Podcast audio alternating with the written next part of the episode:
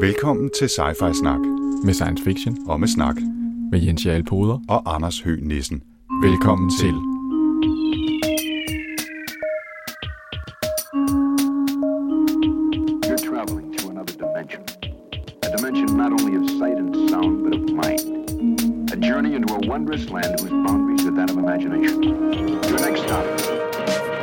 Snak. Velkommen til Cypher Snak. Velkommen til Sci-Fi Snak. Det er episode 96, The Oppenheimer Alternative, også kendt som episoden, der blev meget forsinket. Ja. Vi beklager. Sådan kan det gå. Vi blev virkelighedsramte, og øh, arbejdet har taget tiden, og så kan vi åbenbart ikke optage på andet end en mandag. Og så går der jo meget hurtigt nogle uger, hvis, øh, hvis der ryger en, øh, en dag i smutteren. Sådan er det bare. Ja.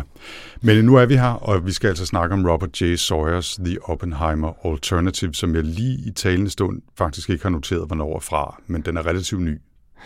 Ja, det har jeg faktisk heller ikke lige tænkt over, men det er en nyere sag, ja. Det finder jeg ud af til... På et tidspunkt, hvor Jens snakker, så slår jeg lige op på det Mm. store internet.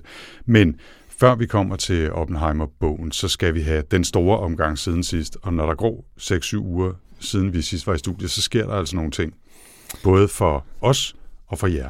Ja, også fordi der er noget follow-up øh, fra sidst, som vi, øh, vi lige må, hvad hedder det, vi lige må snakke om. Okay, så synes jeg, vi skal starte der. Ja, nå, så lad os starte med at øh, lige beklage, at, øh, at jeg kom til at, eller også var det dig, kom til at kalde Daniel for Kåre, da han ellers kom med sit udmærkede forslag om at, at øh, læse A Psalm for the Wild Build, som, er, øh, som jo øh, Becky Chambers har skrevet. Mm. Og der kommer jo en ny her, som faktisk kommer her den 12. juli. Uh, A Prayer for the Crown Shy. Ja, det skal hedde sådan lidt. Det skal åbenbart være sådan lidt Det skal være lidt mærkelige mærkeligt. titler. Okay, så jeg skal bare lige forstå. Han hedder ikke Kåre, han hedder Daniel. Han hedder Daniel. Okay, Yes. Und, hvis det var mig, undskyld Daniel, og til dig derude, øh, der sidder og hedder Kåre, hvorfor har du ikke skrevet ind til Sci-Fi Snak? Det har Kåre faktisk også. Nå. det var et mix-up. så øh, det var det, der var problemet. Okay. Øhm, ja, så, øh, så det var lidt for Goodreads. Okay. Øhm, og altså så øh, samme, selv samme Daniel, som altså ikke er Kåre, Men Daniel. men Daniel, har også foreslået noget til 100 års øh, show, eller Ja. 100, 100 jo- shows jubilæum. 100 års 100 års! forsinket show. Ja, okay.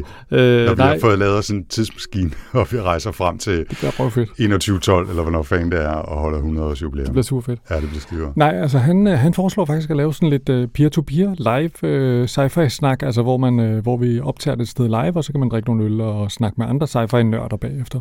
Ja, det synes jeg skulle var en meget god idé, og nu kommer jeg faktisk til at tænke på, at vi jo rent faktisk muligvis har et sammenfald mellem show nummer 100 og at vi er på, øh, hvad hedder det, Vilde Universer, den der øh, sci-fi og fantasy-con i Aarhus i marts næste år. det er vi jo nemlig. Øh, det er ikke noget, vi ved så forfærdeligt meget om endnu, andet end vi har sagt ja til at være der, og være med og bidrage på forskellige måder.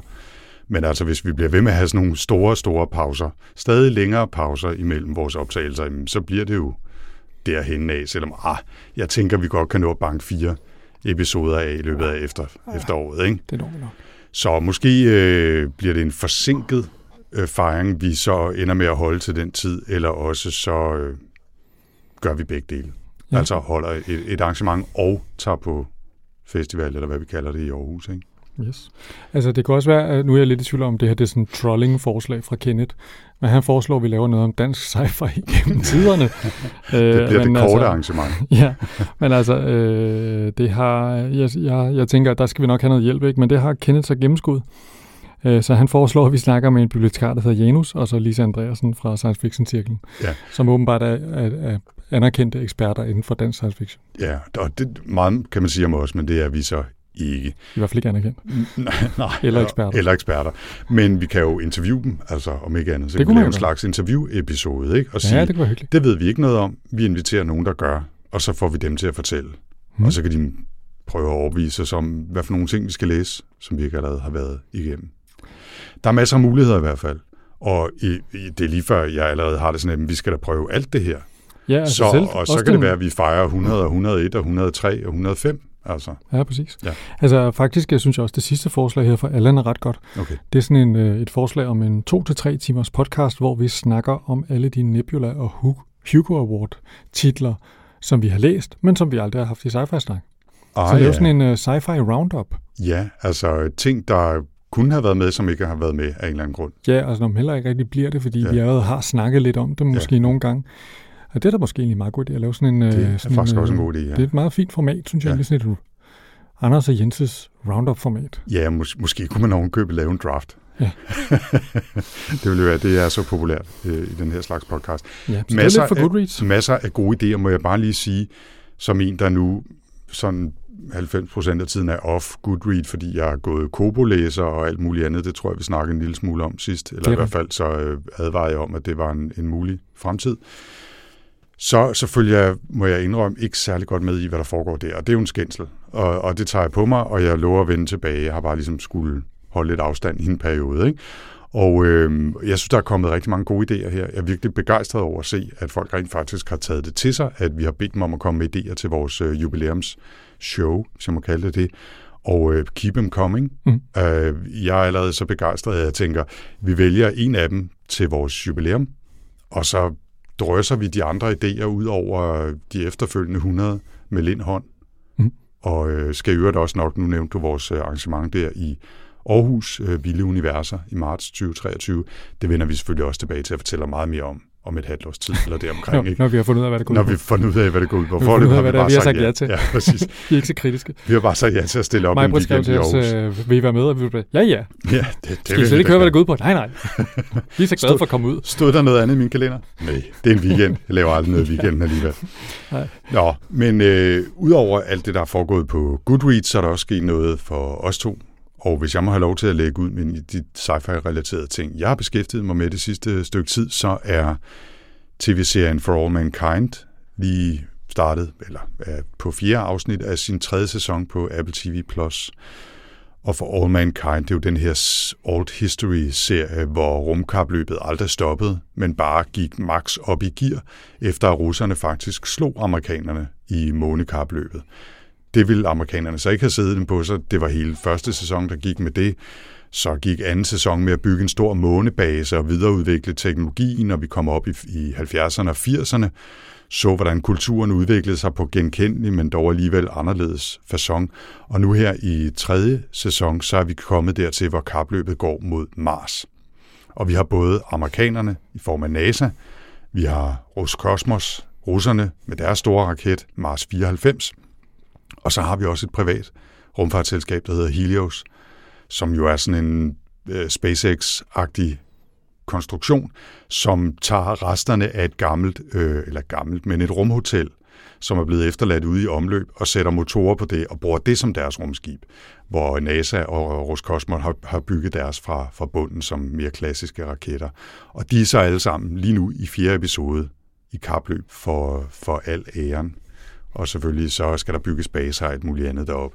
Jeg synes stadigvæk, det er super underholdende. Det er pisseflot lavet, og selve serien er sådan nogle steder sådan lidt langsomt øh, klassisk dramaagtigt, og en lille smule snært af sådan noget, som egentlig er meget charmerende. Du ved, sådan en klassisk serieting med, man fornemmer nærmest sådan, da, da, da, og så breaker vi til reklamer. Eller, bo, bo, bo, og så i næste afsnit et eller andet. Ikke? Og det kan godt blive sådan en lille smule sådan dunk, dunk, tuba, tungt, ikke? Men, øh, men jeg synes faktisk, den er ret underholdende. Og så, så er effekterne, synes jeg faktisk, ret, ret godt lavet. Og det er, det er en charmerende historie, og det er sjovt at se, hvordan de tager kultur, som vi kender, og så lige giver det et twist. Så Ronald Reagan er med, men det er så en anden, der overtager og bliver præsident efter ham, og de har sådan nogle videotelefonsamtaler med Apple Newtons, som så er blevet videreudviklet, så de sidder og bruger dem som sådan en slags øh, communicators og sådan noget. Det er bare, det er super sjovt. Altså, jeg synes, den er hyggelig, og, og den, den får fuld anbefaling herfra, også i sæson 3. Okay. Ja.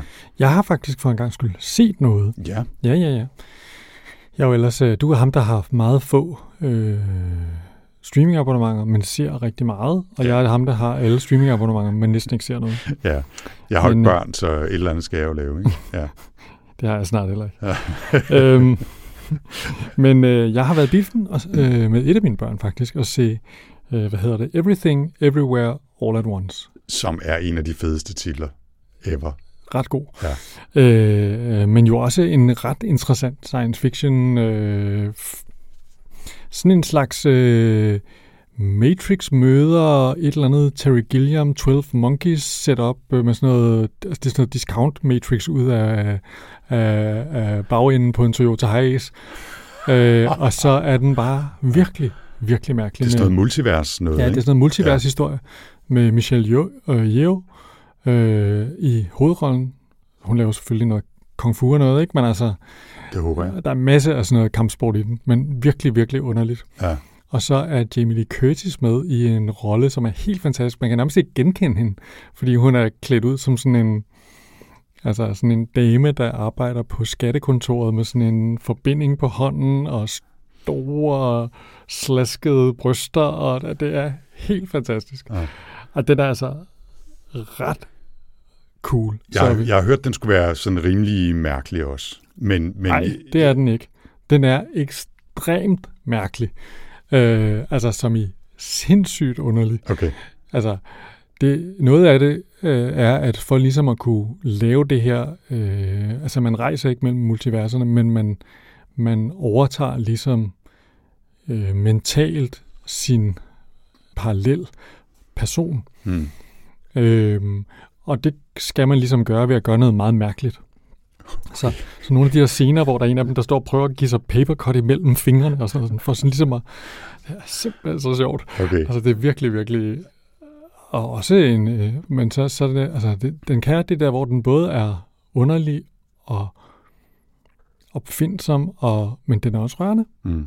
Og det kan jo nogle gange være en ret øh, f- potent kombination, det der, når noget, der er meget humoristisk, så lige pludselig også bliver meget rørende. Ja. Så det var en fantastisk film. Det, det, er, det er faktisk lidt sjovt, fordi jeg, øh, det, er længe, det er rigtig længe siden, jeg havde været i biografen. Hmm. Øh, indtil her i lørdags, hvor jeg så havde besluttet mig for, at nu vil jeg dele med i biografen. Og, øh, og så havde jeg faktisk kigget på Everything, Everywhere, All at Once, og opdaget, at den kun sådan lige umiddelbart gik øh, i en lille sal i Empire. Mm. Der vil jeg sige, der er jeg sgu efterhånden så glad for mit 65-tommer øh, tv-setup derhjemme, at det skal, vi skal lidt op i størrelse fra sådan en mikrosal i en lille biograf, før jeg for alvor synes, det er sjovt at gå i biografen. Ikke? Så jeg endte med at gå ind og se den nye Baz Luhrmann, øh, Elvis-filmen, som jo ikke har noget med øh, sci-fi at gøre overhovedet, men som virkelig er klassisk Baz Luhrmann. Fuld Moulin Rouge knald på, bare med Elvis. Jeg synes, det var super underholdt. Jeg kan virkelig godt lide hans stil. Og Nå. den skal der med, han må lyse med ind og sige. Hun er Ja. helt vild med ham. Ja, men det, det skal du helt klart gøre. Det er, hvis man kunne lide Romeo og Juliet og Moulin Rouge, så skal man bare ind og se Elvis. Altså, øh, så, men det havde ikke noget med noget at gøre. Mhm. øhm, lad os hoppe tilbage til en, øh, en bog. Igen, Mhm. jeg har læst et par science fiction bøger siden sidst. Øh, en, jeg lige er i gang med nu, og er cirka 80% inde i, det er Anne Leckys øh, Provenance. Anne Leckie var jo hende, der skrev øh, Ancillary-trilogien, som vi var virkelig glade for, og som er en fantastisk serie. Øh, og, og den her øh, Providence, den foregår i samme univers, men med andre karakterer, men vi har stadigvæk det der 10-ceremoni. der er faktisk øh, lidt, lidt te-ceremonier, ikke, ikke helt så meget.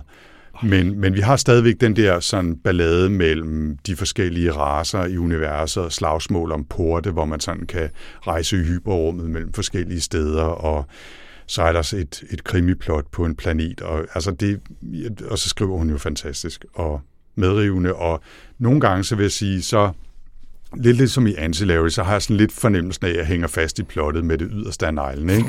Fordi der, er- der er godt nok mange øh, øh, intriger og diplomatiske øh, tråde, man skal holde fast i, ikke? Men selv når jeg sådan føler, at jeg mister lidt, og hvad, hvad er det nu lige, der skal, hvem er det nu lige, der er igen, og hvorfor, så synes jeg stadigvæk, det er fantastisk, og det er jo en kæmpe kompliment, synes jeg, at man kan sige om en bog, og man faktisk ikke helt er 100% sikker på, hvad der, er, der foregår, men stadig synes, det er fedt, ikke? Mm.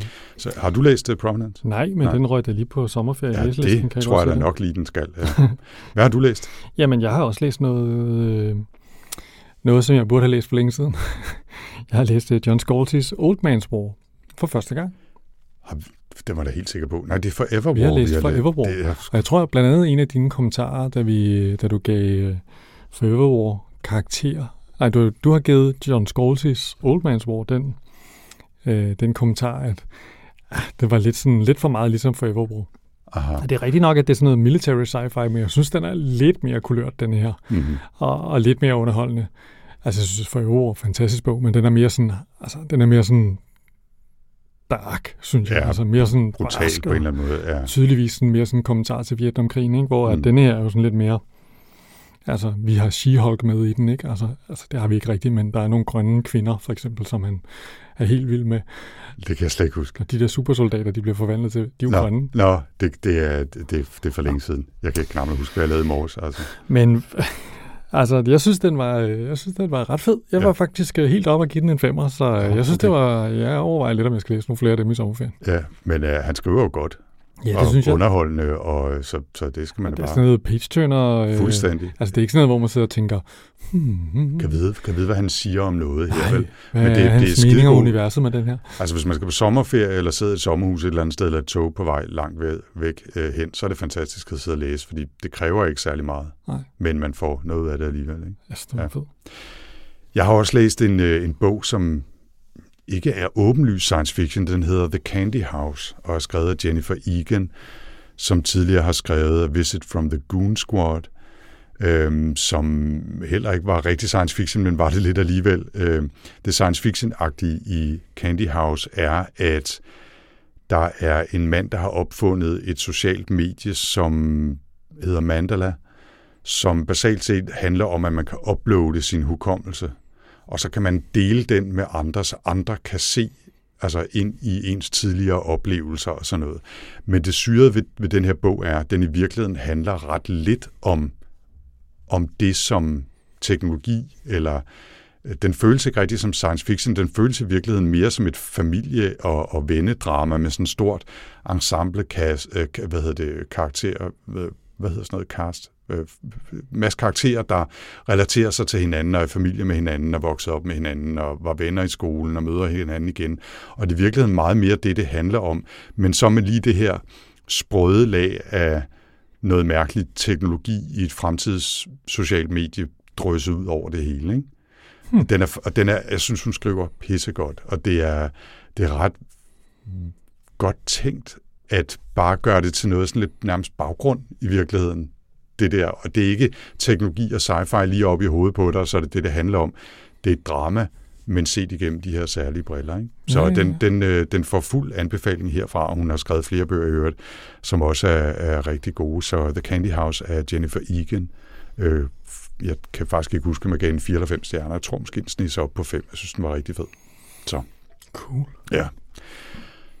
Er der en sidste bog? Ja, på skal, siden vi, skal, vi lige, sidst. skal vi lige nævne den? Altså, Mm. jeg er jo i gang med at læse Helene Weckers uh, The Golem and the Genie. Hun er jo kommet med den, der hedder The Glass Palace her, for ikke så lang tid siden. Golem and the Genie er ikke rigtig science fiction, medmindre man synes, at uh, Frankenstein er science fiction, og så man tænker, okay, hvis det er lige, man har lavet sin golem af, eller ler, det kan vel næsten være det samme, så måske er det næsten science Mm. fiction. Det er vel også lidt noget vrøvl. En- Men det er en ret fantastisk bog. Okay. øh, som handler om øh, en, altså en fantastisk portrættering af det jødiske øh, immigrantmiljø, øh, miljø, øh, og det syriske immigrantmiljø i, øh, i øh, den store tid omkring, at alle mulige flyttede til USA. Og øh, med dem kommer der altså en golem og en genie, øh, og øh, deres, øh, deres forviklinger med at forstå mennesker og prøve at passe sig ind er ret underholdende. Og meget rørende også. Fantastisk bog. Så ja, Ja ja. Det er en, man kan læse den på Mofibo gratis, der er den en lydbog, og den er fantastisk læst højt. Okay. Jeg bliver simpelthen nødt til at sige, at det var persongalleri, jeg ikke kunne huske før. Nå ja. Vores sprog langsomt bliver visket med viskelæder og erstattet med engelske ord. Det er frygteligt, det er frygteligt irriterende. Ja. Øh, Jeg kan simpelthen ikke fatte, Jens, at øh, vi ikke har lavet podcast, siden jeg mødte Kim Stanley Robinson. Kan det være, kan det jeg være tror rigtigt? faktisk, at, øh, vi bare, at du bare undlod, og hvad hedder det? Jeg, jeg tror, du måske gik og ventede på under sidste, at jeg sådan skulle spørge dig om det. Og så vil du ikke ligesom selv fortælle om det, fordi så bliver det også lidt sådan lidt... Men, Men nu så spørger jeg, Anders. Men, Kan altså, du fortælle dig også om, hvordan var det at møde Kim Stanley Robinson på Bloom Digital? Bloom. ja, bare, bare Bare Bloom. Bloom. Og det Bare er Bloom. min ven, der har et firma, der hedder Bloom Digital. Ja, ja, ja. Nej, Øh, Bloom er Bloom bare en festival i I Søndermark. Søndermark. Hvis, hvis jeg altså har fortalt det her, om det her før på en eller anden måde, et eller andet sted, nå, så undskyld jeg, men til jer, der hører det her, så har I nok ikke hørt det før. Det var fantastisk. Han er jo, han er jo et af de mest charmerende, rare og søde og kloge mennesker derude. Øh, Kim Stanley. Han, hvordan var det nu? Han, jeg tror, han kaldte sig Kim, da han var helt ung, og så Stanley, da han gik på universitetet. Så nu kalder jeg ham bare Kim Stanley, fordi så er jeg sikker på at få det hele med. Ikke? Øh, det var ikke, fordi jeg havde meget tid med ham, men han kom og skulle holde hele to oplæg. Øh, et, hvor han fortalte om ja, primært sit arbejde i Ministry for the Future, hele klimapokalypsen derude, og så et, hvor han talte om Margaret Atwood, som han nærmest har gået sådan i lære hos, øh, da han som ung øh, forfatter begyndte at skrive science fiction. Men jeg fik lige lidt minutter med ham, inden øh, han skulle op og holde oplæg. Og jeg, altså, udover at jeg var sådan lidt befippet, fordi at han på meget, på meget kort tid faktisk er blevet et af mine sådan store science fiction idoler. Jeg kan rigtig godt lide hans bøger og hans måde at tænke på. Så, så, øh, så var det bare, så synes jeg bare, at han var cool. Ikke? Men så, øh, så endte jeg med at sidde ved siden af ham, og så øh, snakkede vi om, at øh, han har jo skrevet nogle rimelig store bøger, eller tykke bøger, ikke? lange mm. bøger. Og, øh, og han sagde, ja, det, det vidste han godt, men nogle gange så lå øh, inspirationen rev ham bare med sig, og så skrev han langt. Ikke? Og så sagde jeg, ja, men der, du er jo ikke alene, der var også Neil Stevenson, og jeg tænker, I måske konkurrerer om, hvem der skriver flest bøger, og så grinede vi lidt af det, og så sagde han, øh, ja, og, øh, og mig og Neil, vi har også en, en anden konkurrence, vi har. Nå, sagde jeg, hvad i verden er det for noget? Jo, jo, fordi øh, Neil Stevenson, han er jo vild med fægtning og svær og ja, gamle, gamle, altså sådan, øh, hvad hedder sådan noget, øh, øh, ja, svær og sabler og alt sådan noget. Hvordan fægter man med dem og laver mærkelige øh, rollespil, hvor, hvor de fægter med hinanden. Han prøvede også at lave et fægte computerspil på et tidspunkt, ikke? Og så sagde Kim Stanley, at han, han fægtede med Fleuret, altså med Kåre, da han var ung. Så de har sådan et, et løbende diskussion om, hvem der vil vinde. Neil Stevenson eller Kim Stanley Robinson, hvis Kim Stanley havde en kåre, og øh, Neil Stevenson havde et af sine store tohånds øh, slagsvær, ikke? fordi det er jo sådan lidt myggen mod elefanten-agtigt. Ikke? Det er Tim Roth mod, øh, hvad hedder han... Øh i uh, den der Rob Roy-film. Om igen. det er det jo faktisk lige præcis det der. Og jeg tænkte, jeg, jeg tænkte bare, det gad jeg fandme godt se. Altså ikke, at det skulle være en kamp til døden, men jeg synes fandme, det kunne være sjovt. Så, så ikke bare fik jeg lov til at møde Kim Stanley og sidde og småsludre med ham og sige hej øh, til ham og få taget en selfie selvfølgelig. Jeg fik også lejlighed til at snakke med ham om et af mine andre store sci-fi idoler, nemlig Neil Stevenson, som det lød til, at Kim Stanley var meget begejstret for os. Så jeg var, jeg var lykkelig den eftermiddag. Det var jeg. Vi er alle sammen meget misundelige. Det håber jeg fandme. okay. det var ikke, ikke så meget det, uh, hvor fed en oplevelse det var. Det var mere, hvor misundelig alle andre blev. Det, nej, det var næsten det, det bedste. Det gør, nej, ikke næsten det bedste, men, men det gør oplevelsen endnu bedre, okay. at, at I er misundelige derude. Ja, nå, vi har en ting til i follow-up. Uh, ja. Det var en, det er en dansk forfatter, Torben Ikeda Pedersen, som har skrevet til os. Hej Torben. Goddag, goddag. Og øh, har anbefalet os at læse en øh, selvudgivet bog, virker det som om, sådan, hvad jeg lige umiddelbart kan forstå. Mm-hmm. Øh, Mørke hedder den, som skulle være pff, sådan en 700-800 siders øh, meget spekulativ øh, science fiction, som ja. egentlig lød som om, den var meget spændende. En atypisk mobbedreng som debutroman, skriver han. Så kan det være svært at få den udgivet. Det, det er sikkert rigtigt, men det lyder jo spændende. Altså, han har vagt min nysgerrighed, mm-hmm. Så den skal da tjekkes ud. Den er på listen. Den er helt sikkert på listen. Tak for tippet, Torben. Og med de ord, ja. så er det på tide at snakke om fysikere på kontorer, i, øh, mens de tænker på atombomber i dagens bog. Det er nemlig nu, det er blevet tid til The Oppenheimer Alternative, som jeg i mellemtiden har fundet ud af fra 2020. Ah. jeg nåede lige at smooth lidt, mens du fortalte om Old Man's War. Og øh, hvis man skal komme med den meget korte introduktion til bogen, så handler det om Robert Oppenheimer, der jo var en af hovedkræfterne i Manhattan-projektet og udviklingen af atombomberne, der blev nedkastet over Hiroshima og Nagasaki i 45. Det er sådan en old history-bog, altså den følger noget af den virkelige historie, og så tager den en drejning på et tidspunkt. Øhm, og jeg afslører nok ikke for meget, for det jeg tror faktisk, det står i alle beskrivelserne af bogen på, på nettet, at Oppenheimer og hans hårde af fysikere og andre kloge hoveder, de øh, opdager, at slutningen øh, slutter, at solen i hen omkring 20, 28, 29, 30 stykker vil afkaste sit yderste lag, som vil drøne ud gennem solsystemet og opsluge Merkur og Venus og Jorden. Yes. Og vi er altså i 1940'erne, da de opdager det her, de opdager, at det kommer til at ske i 2020'erne. Og hvad gør man så? Det er sådan det grundlæggende plot i, i bogen. Og dog. Og dog. Fordi at det der fylder i virkeligheden ikke særlig meget bogen. Altså det med solen. Det med sol. Det kommer først sådan omkring 50 procent ind i den. At vi overhovedet får det at vide. Ja. Ja. Indtil da er det egentlig mere en slags øh, Øh, biografi, sådan en biofiktionær biografi om J. Robert Oppenheimer og hans øh, forskellige, øh, ja det er sådan lidt ligesom sådan nogle kontor, skamysler og, øh, og udfordringer i arbejdet, øh, og det her med at være gift, når man i virkeligheden er forelsket i en kommunistisk kvinde, og man i virkeligheden sidder og nuller rundt med super hemmelige militære projekter. Det kan godt give udfordringer. Mm. Øh, og, det, og det er ligesom den fortælling, man starter med, og, og, og, og den fortsætter egentlig også ret meget med at være det. Jeg vil sige, at det er 70 procent af den her bog. Det er Mindst. Ja. muligvis 80. Ja, jeg, jeg, jeg, jeg tror, Måske mit, 90. øh, mit slag på tasken, det var et sted mellem 80 og 90 procent, som, Ja. er, som er en nærmest 100 procent straight-up Oppenheimer-biografi.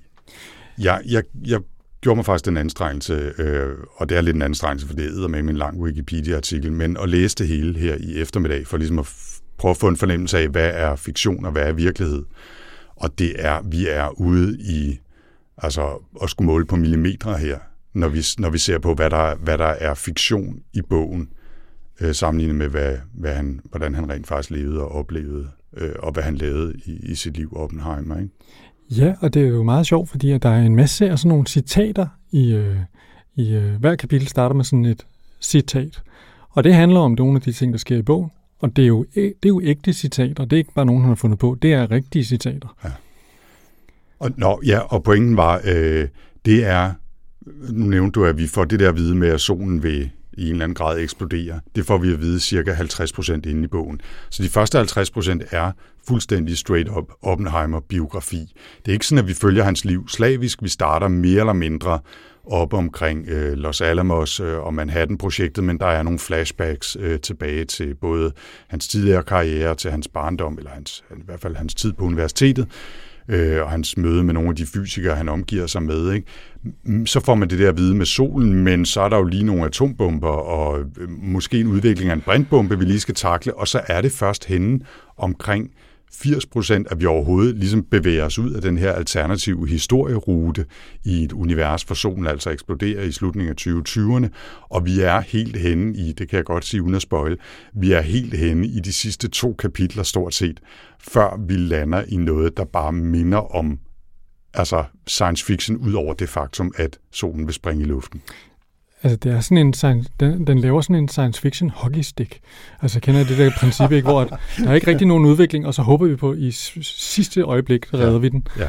Det er sådan en, øh, en hockeystick science fiction på, på den måde. Ja, det er det. Og det, det kom øh, bag på mig. Jeg så godt øh, spille med åbne kort her og sige, at det var ikke den bog, jeg havde regnet med at skulle læse. Nej, og det skal man altså også vide, at jeg vil sige, at hvis man ikke man synes, at øh, det er spændende at læse om, øh, om de her videnskabsmænd og, øh, og blive meget, meget klogere på deres liv, øh, også på måder, som jeg synes var interessante. Jeg, jeg, jeg vidste ikke en skid om J. Robert Oppenheimer, øh, sådan udover hvad man sådan generelt ved. Øh, så alt det der med hans øh, interesse for østisk øh, mysticisme og og, han, øh, og mange af de der forskers øh, altså temmelig venstrelændende sympatier og deres, øh, deres moralske kvababelser over øh, at være øh, blevet indrulleret i det øh, militære øh, militærindustrielle kompleks. Mm. Øh, det, det, det var sgu, øh, det, det var, synes jeg var super interessant. Ja. Jeg synes, nogle gange gik der lidt for meget sådan, øh, ja, men så sagde han også, og så fik han en pris, det gør jeg ikke. Altså det der, det var måske ikke så, altså der går nogle gange sådan lidt øh, lærerne på øh, Lars von Triers ride i den, øh, sådan i, hvor man tænker, okay, det var da utroligt. Men, men jeg synes faktisk, øh, altså det, det var da meget spændende, men det var overhovedet ikke det, jeg havde regnet med. Nej, og det, og det er virkelig, altså hvis man, hvis man skal, vi skal nok grave lidt mere ned i, hvad der sker, ikke? Men, men jeg synes godt, man kan tease lidt for konklusionen, i hvert fald fra min side her. Det vil jeg gerne gøre at sige, at hvis jeg havde læst en Oppenheimer-biografi, der var skrevet på den her måde, så havde den nok fået flere stjerner. Men fordi jeg gik ind i den med forventning om at skulle læse noget science fiction og noget old history, og solen eksploderer, og hvad fanden gør jeg ved det, drengen? Så blev jeg skuffet. Ja, fordi præmissen er jo egentlig meget fed. Ja, Altså det er jo, præmissen er jo ligesom, at man tænker, man havde det her Manhattan-projekt. det var fandme et, øh, nogle, nogle kloge folk, der var involveret i det, i en helt ufattelig organisering, der lykkedes på ganske, ganske to, kort tid at lave et videnskabeligt mirakel, som altså, når man ser på moderne nationer, så nå, fumler de jo stadigvæk rundt med at lave atombomber. Det er jo ikke sådan bare noget, at, man bare tænker, det gør man da bare lige. Mm. Altså, det er noget, der tager lang, lang tid. Ja, ja. Øhm, og det lykkedes de altså med at gøre på relativt kort tid. Ja, jeg, jeg synes både, at historien om Manhattan-projektet er interessant, og så synes jeg, at fysikere, og især måske fysikere fra den tid, første halvdel af, af det 20. århundrede, er super interessant, og det, det er ikke den første biografi, jeg har læst om nogle af de der typer nej, nej. der. Øh, Paul Dirac øh, læste jeg om for nylig, øh, og, og, og flere af de andre, og, og det er super spændende. Altså, mm. det er skide interessant. Man skal bare vide, at det er det, man går ind til.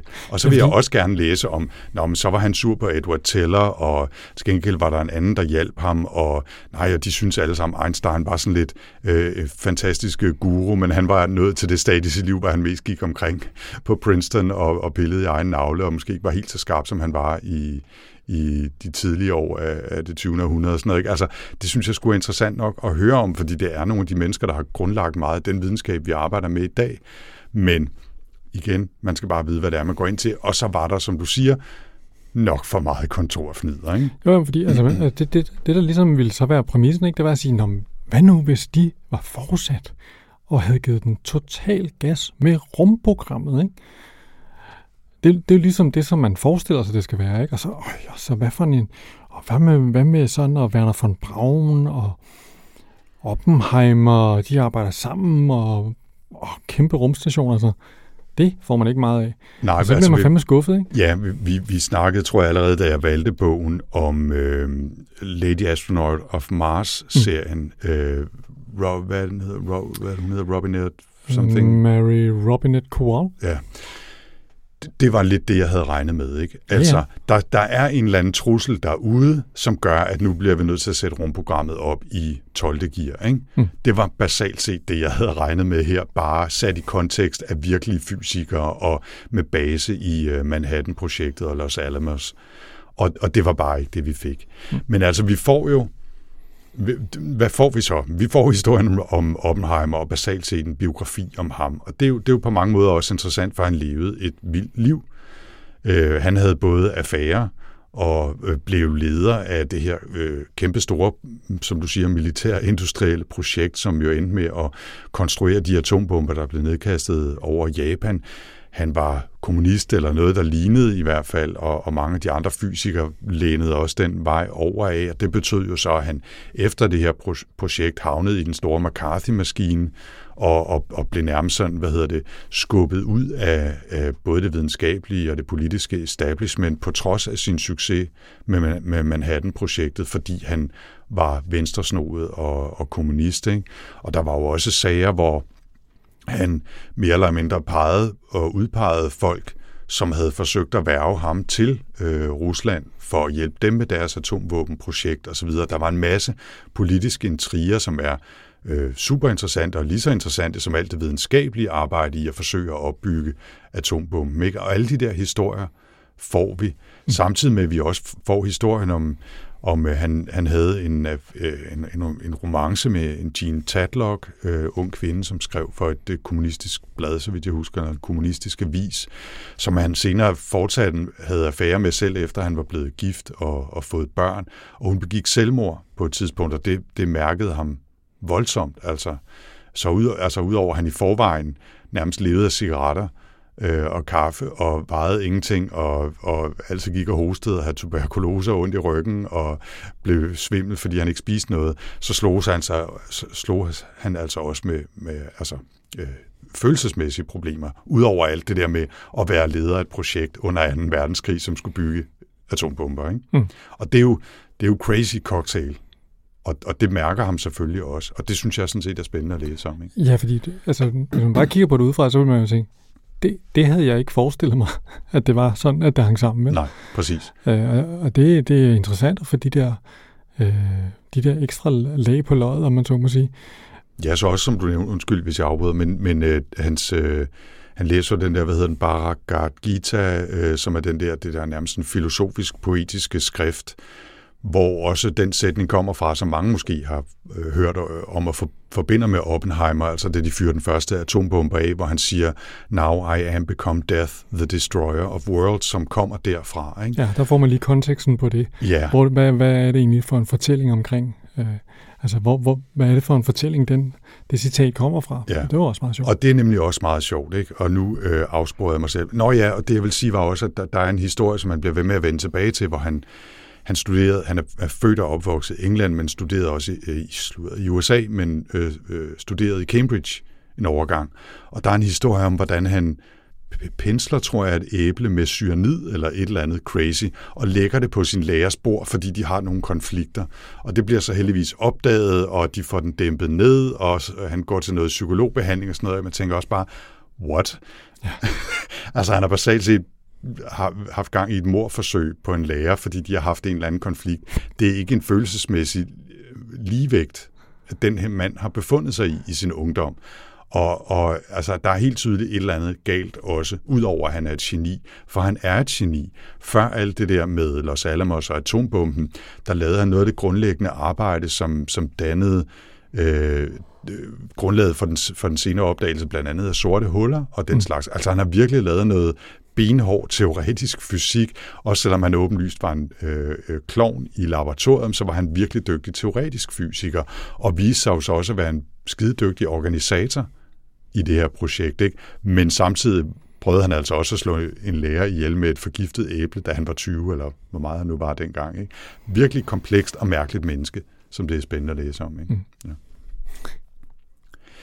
Jeg kan, kan, nu op, lad os, de har fyret en atombombe af, han har masser af moralske kvababelser over det, og prøver i øvrigt også at forhindre udviklingen af brintbomben senere, som hans, øh, hans nemesis bliver det vel nærmest, Edward Teller, øh, slår meget på trummen for. Ikke? Øh, men de har jo så fundet ud af, at de bliver nødt til at gøre et eller andet, fordi solen vil afstøde sit ydre lag, som kommer til at opsluge de indre planeter. Hvad gør man så? Skal vi forsøge at redde nogen af øh, nogle udvalgte mennesker og, og håbe på, at vi kan flyve dem til Mars, og så kan de fortsætte menneskeheden der, eller kan vi gøre noget ved solen, altså ligesom i uh, Sunshine, hvor de prøver at flyve en helvedes stor atombombe om for at, at kickstarte solen igen. Er der så noget, vi kan gøre ved solen for at begrænse den der eksplosion? Hvad skal vi gøre? Kan og vi, det arbejde kan vi gemme os bag månen? Ja, kan vi gemme os bag månen? Kan vi sætte, kan vi sætte et skjold op? Ikke? Ja. Og, og, og en af de sjove ting i, i det arbejde der, de udforsker nogle idéer, det er, at de, de ser på noget, de kalder Project Orion, som jo basalt set er at bygge rumskibe, som bliver drevet frem af atombomber, som man sådan kaster ud bag ved sig, og så fyrer den af, og så skubber den på rumskibet, og så smider man en ny atombombe ud bag, bagud af rumskibet, som springer i luften, og så driver rumskibet frem på den måde. Og det interessante for det er jo, at det er et virkeligt projekt. Mm. Det var noget, de gik og arbejdede på i 50'erne, øh, Freeman Dyson og, og nogle af slænget der, de gamle drenge fra, fra Los Alamos, som gik og arbejdede på det her Project Orion, som øh, hans søn, Freeman Dysons søn, George Dyson, har skrevet en bog om, som også er, er, er ret spændende, hvis man er lidt til den tid. Og det er nærmest et old history projekt i sig selv. Det er så bare skrevet som en, en fagbog om Project Orion, men det kunne lige så godt have været en fiktionsbog.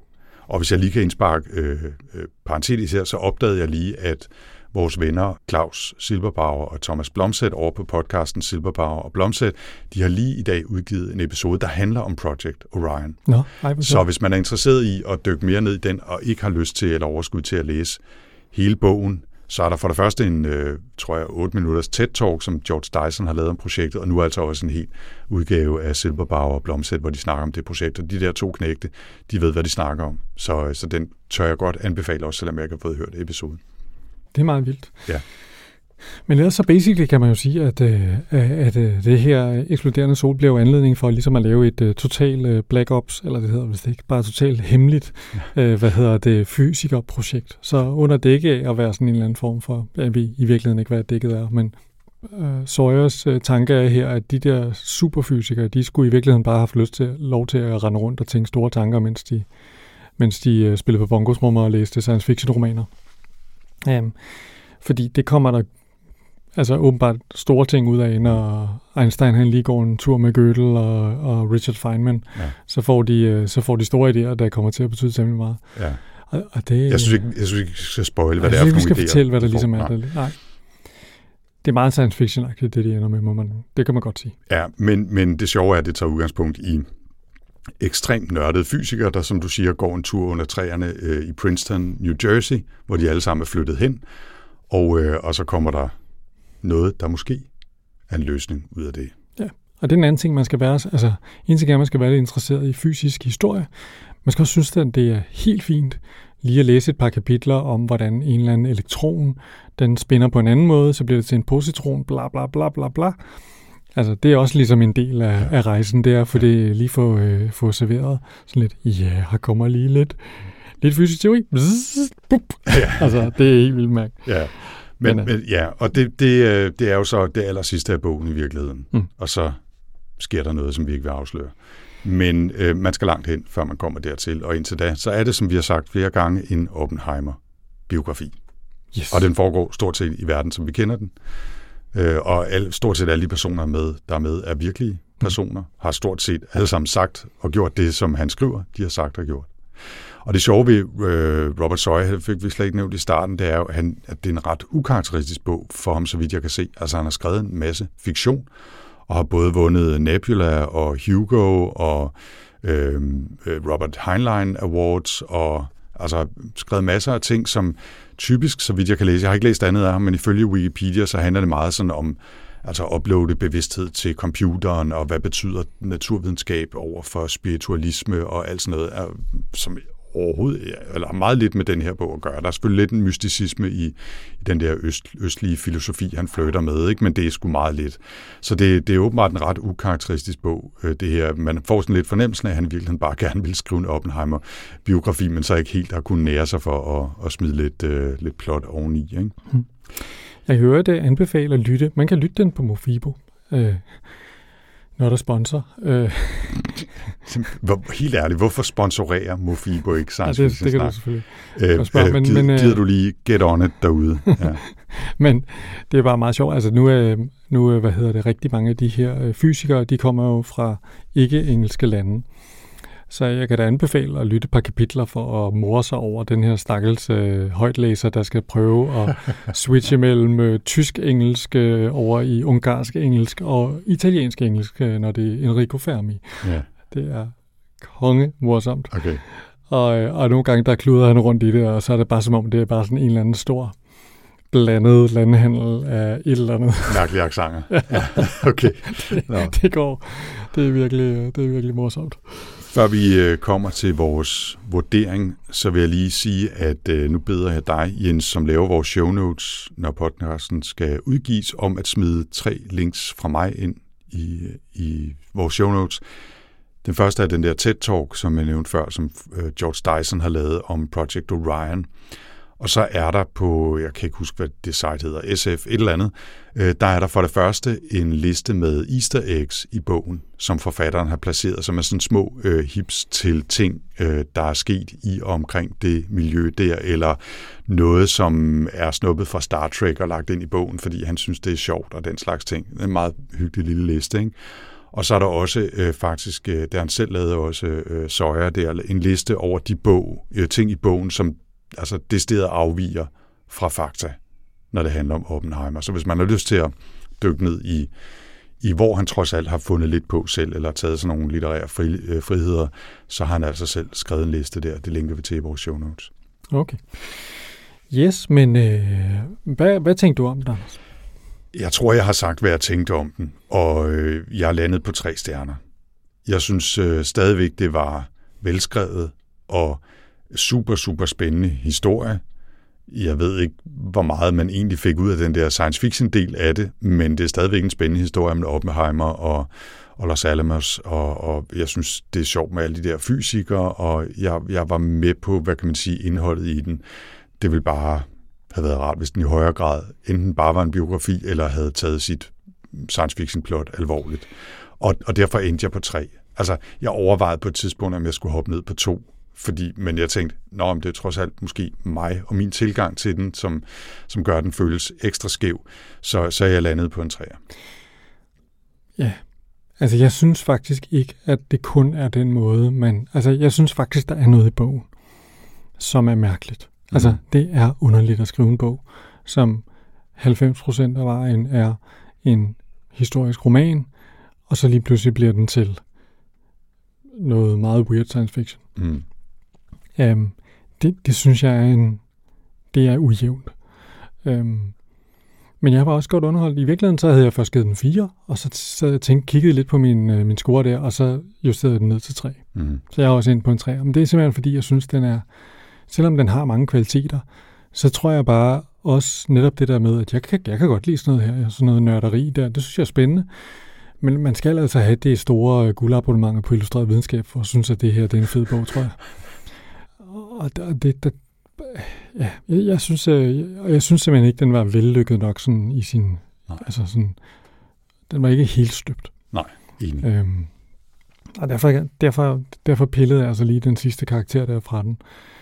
Men altså, jeg synes, det var meget interessant og meget anderledes. Ja, det må man sige. Ja. Så tre stjerner fra os begge to, Yes. øh, og en forsigtig anbefaling. Altså nu hvor, nu hvor vi har fortalt, hvad det er, what's what her, så, øh, så kan man jo læse den, hvis det er noget, man synes, man er interesseret i, og nu har man så også omvendt fået en advarsel, hvis man troede, at det var den store old history øh, astronaut-historie. Ikke? Altså, Godt. hvis uh, du lytter til det, vi snakker om, og tænker, det lyder sgu da meget sjovt, så Så by giv, all means. giv den gas. Ja. Fortæl os, hvad du synes øh, derude, når du har læst den. Ja, det vil jeg gerne høre. Jens, det her det var øh, episode 96. Hvad skal vi læse i episode 97? Ja, nu skal vi læse noget lidt ældre. Vi skal tilbage til 1968 Ja, og læse en af verdens bedst sælgende science fiction bøger. ja. Ja. Øh, skal jeg gætte, eller fortæller Det du, må du hvad? gerne. 1968. Øh, jeg kan kun stort set komme i tanke om, nej, hvad hedder det øh, Androids og Electric Sheep, den er jo derfra, den har vi jo læst, ikke? Jo. Øh, Arthur C. Clarke, øh, Space Odyssey. Yes, Er det rigtigt? godt gættet. Og Anders vinder en rockebud. Tillykke. Tak. Det er nemlig lige præcis det, vi skal. Vi skal rigtigt? læse Nå, ej, hvor 2001 af Space Odyssey. Ej, det glæder jeg mig til. Ja, det gør jeg sgu Det bliver fandme... Jeg kan næsten... Hvorfor har vi ikke læst den før? Jamen, det er da fordi, vi har læst uh, Childhood's End af Arthur C. Clarke, men ellers ikke andet. Nå, Så, han har, så den har måske taget Arthur C. Clarke-billetten. ja, det kan Og være. så, øh, så skulle der lige gå noget tid, før vi skulle læse ham igen. Ja, men nøj, det glæder jeg mig til. Ja, det bliver fedt, tror jeg. Det er, det er godt nok længe siden, jeg har læst den også. Jeg har aldrig læst den. Er det rigtigt? Ja. Nå. Det er lige før, vi skulle tage 2010 med også, når vi er i gang. Så. Øh, Den, den har ikke helt samme litterære kvalitet, så vidt jeg husker, men... Øh, ja. Og der er jo også en, der hedder 2061. altså lad os lige øh, aftale, at øh, måske, kan du, øh, med måske kan 2001. du starte med det der, så kan jeg forhøje med hele Dune-serien, og så øh, vi, hvor det går hen. Ja, okay. Så altså, øh, Arthur C. Clarke, Rumrejse år 2001. det glæder mig virkelig meget til. Ja, det bliver super fedt. Ja. Og indtil da, Jens, øh, om der så går fire eller seks uger denne gang, så øh, ja, hvad kan, man, øh, hvad kan man lave i mellemtiden? Ja, så kan man da besøge os på Goodreads, hvor at, øh, man kan blive kaldt for Kåre. Også selvom man hedder Daniel. Ja, eller Måske Anders. endda Hvad omvendt. tænker du om det, Kåre? Nu skal du høre, Kåre. øh, Som man- Kåre lige sagde, så kan man altså besøge os øh, på Goodreads, og øh, ellers så kan man besøge os på cybersnak.dk. Undskyld. Jeg vil bare sige undskyld. Nej, så der, øh, der kommer folk med forslag til bøger, eller til hvad vi skal lave i vores øh, 100 års jubilæum udsendelse. Ja, Vores 100 øh, udsendelsesjubilæum. ja. Og, øh, Og hvis du sidder derude og har skrevet en mobbedreng som science fiction debut, så fortæl os om det. yes, Vi håber også en dag at få tid til at læse din bog. præcis. Og som I har en super fed sommer derude. Ja. Nu er det sommer. Ha' en rigtig god sommer, og husk, sommertid er læsetid. I den grad. Ha' det godt, Jens. Præcis. Hej. Hej.